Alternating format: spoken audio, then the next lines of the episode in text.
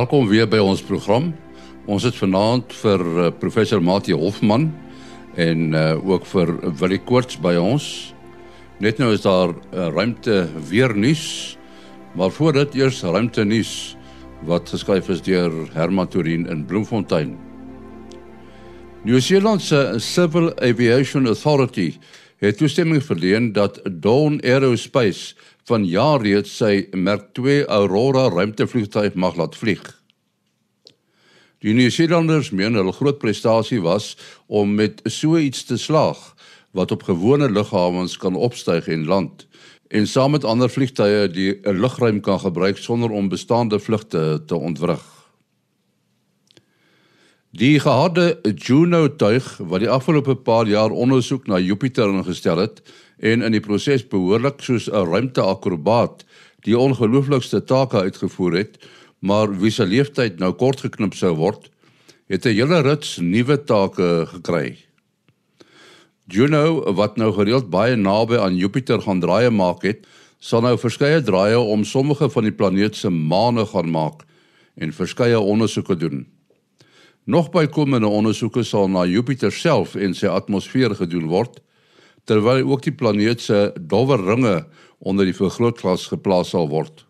Woordvoerders het Juno se pas afgehandelde missie geloof en beklemtoon dat uiters belangrike besonderhede vasgestel kon word. Tot sover dan ruimtenis wat uh, vir ons geskryf word deur Herman Torin in Bloemfontein. Nou oor na Florida. Hier is Kobus Olkers.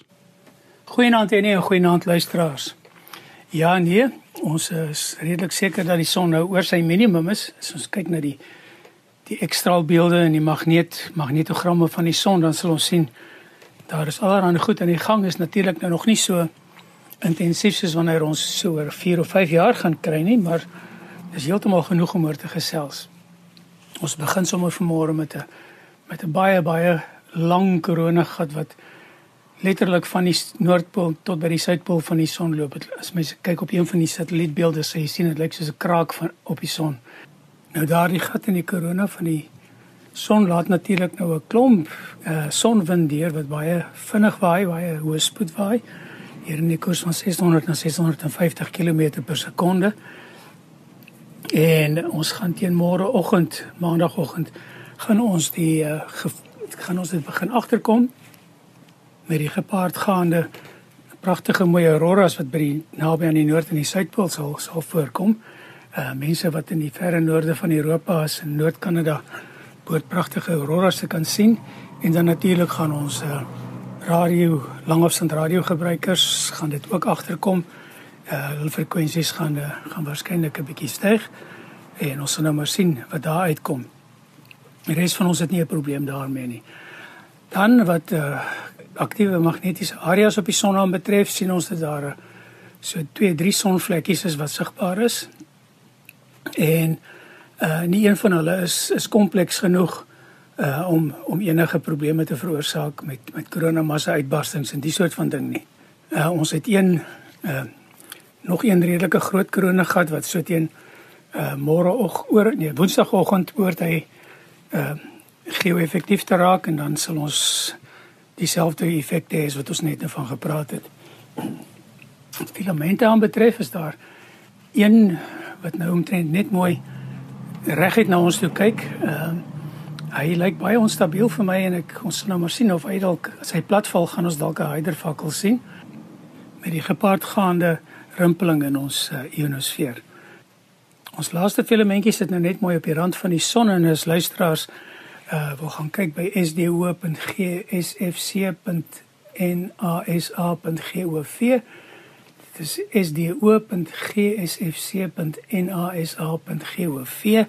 Dan sal hulle uh daar pragtige beelde kry van hoe hy op die rand van die son sit en hoe die fakkels in die ander uh onstabiele areas uh, vir ons lyk. Nou ja, daarmee kan ek maar net sê goeienaand almal. En uh, ek hoop my stem is uh beter volgende week. Dankie Kobus.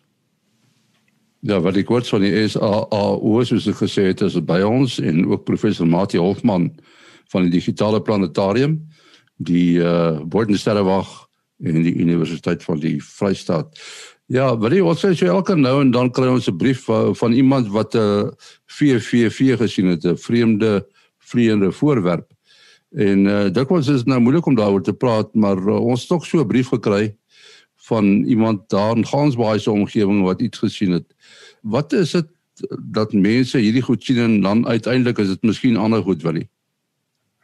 Uh ja, dis korrek. So ons het al 'n uh, uh, keer oor daaroor gepraat die probleem is in die nag wanneer jy in die dag kom ons vat in die dag as jy nou bestuur.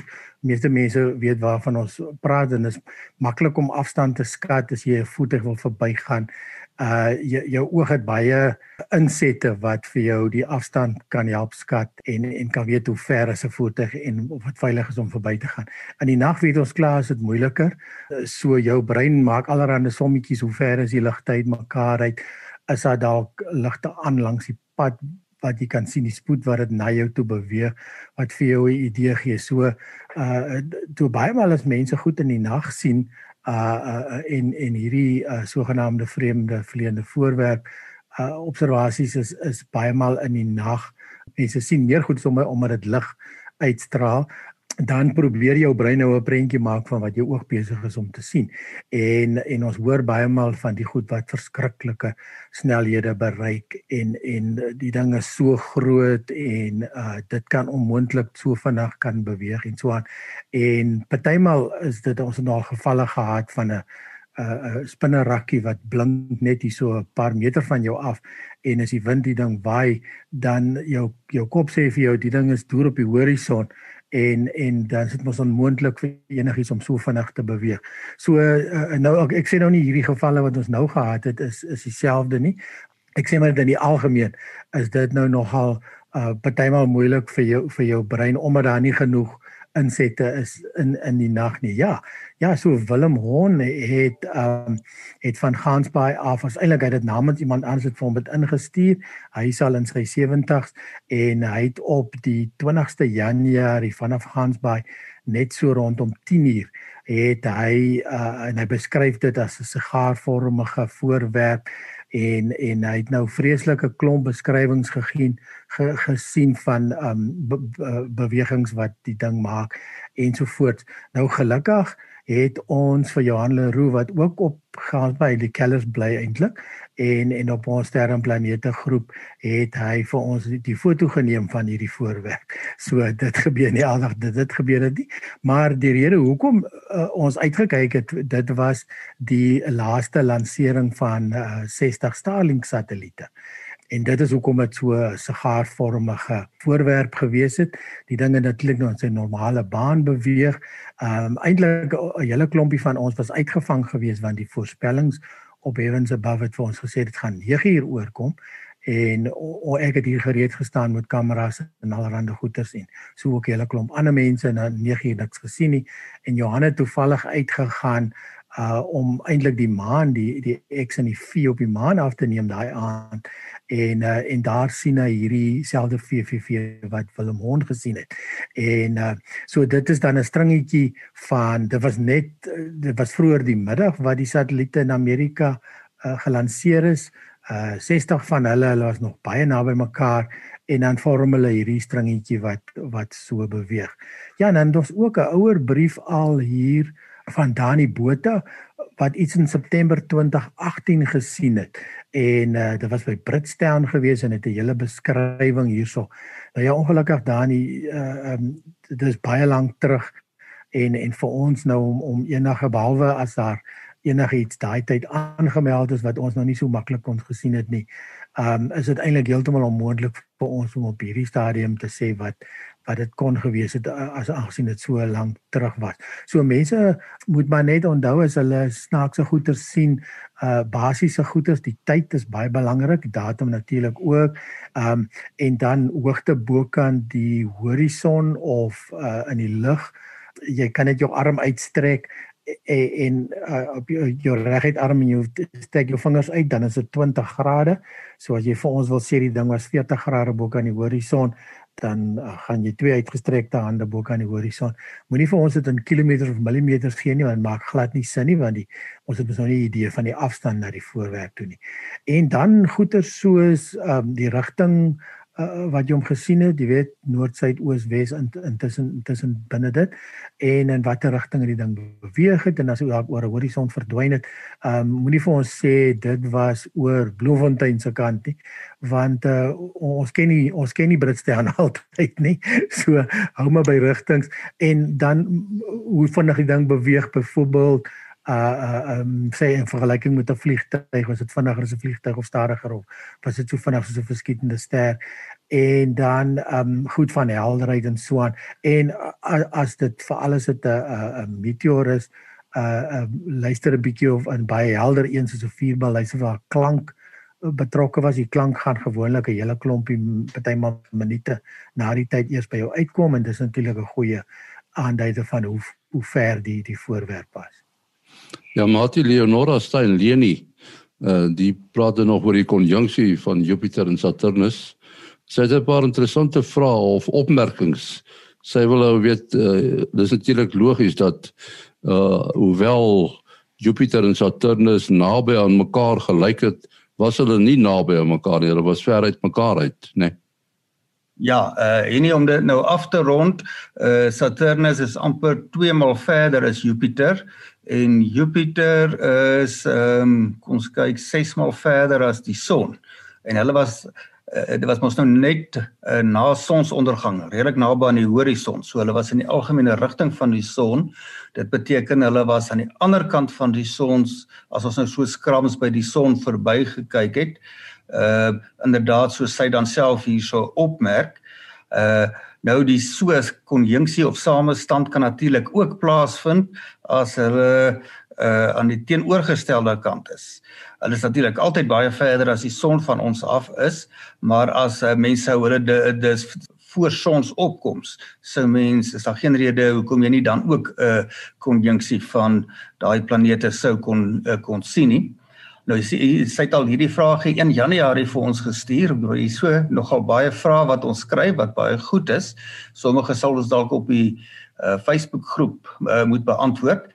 Uh, net 'n uh, aansluitende vraag van Terry Terblans van Stilwaai uh, wat uh, wil weet oor die gravitasie effek uh van planetêre opleiding uh wat uh, as jy nou 'n konjunksie het van soos van uh, Jupiter en Saturnus, dan is hulle nou basies amper in 'n lyn en dan sal mens nou sê nou was hulle nog in die rigting min of meer van die son. Weet het dit nou 'n meetbare effek? Mens moet in gedagte hou dat uh die son bevat 99,8 is amper 99,9% van die sonnestelsel se massa.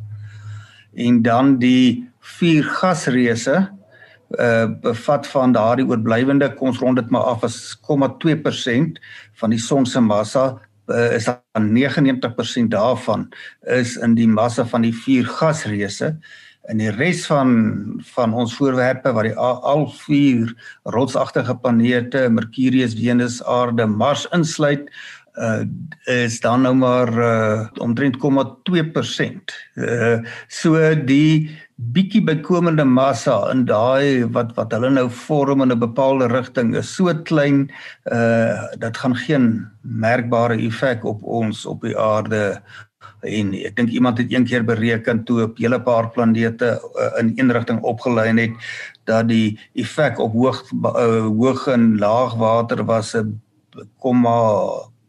2 mm so onmeetbaar klein. Dis maar 'n teoretiese uh, berekening. Willie, uh, jy het al baie gepraat van die sogenaamde diep ruim netwerk wat uh, deur die Amerikaners gebruik word. Nou het hulle 'n nuwe antenna bygekry. Ja, dis reg so die ehm um, sendings wat almal diep in die ruimte in is uh, en nog steeds wegbeweeg. En ons praat nou hier van New Horizons en ons praat van die goed wat om Mars beweeg en om die maan en al, al die klas van goeters. Ehm um, is, is die die sogenaamde Deep Sky Network En uh omdat die goed so baie ver weg is van die aarde af, uh het jy net 3 stasies nodig. So daar's een in Goldstone Amerika, dan is daar een in Madrid Spanje en dan een in Australië. En die die drie is dan omtrent 120 grade uitmekaar uit. So dit wil sê een van die drie kan te enige tyd enige um, enige diep ruim uh, ruimteskip uh, mee kommunikeer. Nou in Madrid self het ons nou die dag gesê het hulle nog al 'n klompie nuwe goeders onderhoudswerk gedoen, maar daar is ook 'n nuwe antenne geïnstalleer. Nou die probleem is baie van vir al die ouer antennes, so ek meen hierdie goeders varieer van tot 30 tot 70 meter, is 'n massiewe skottel.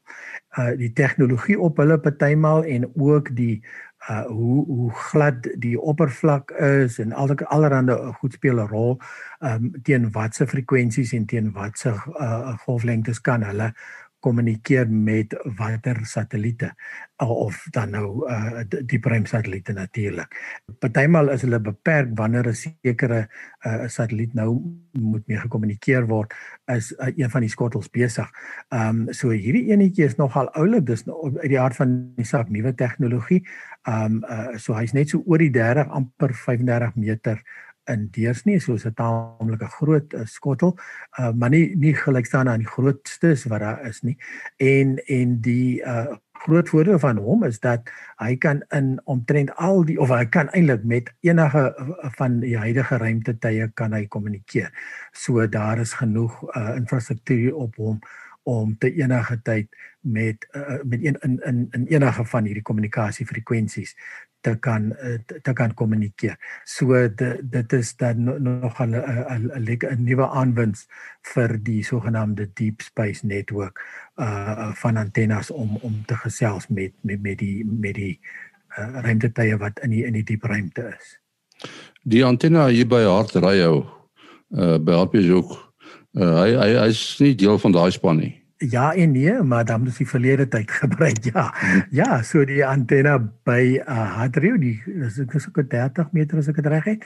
Ehm um, was oorspronklik deel van die Deep Space Network en om die waarheid te sê dit is voor voor Spanje in in die prentjie gekom het. So uh, as by sommetjies nou reg is, is wat hier in was in die vroeë 70s as hy onttrek uit die uit die uh uit die Deep Space Network uit en toe Madrid oorgeneem. So dit wil sê al die oorspronklike maan uh sendings en so was almal was almal deel was die Hadrio antenne almal deel van gewees. So dit was eintlik 'n geskiedkundige tyd gewees.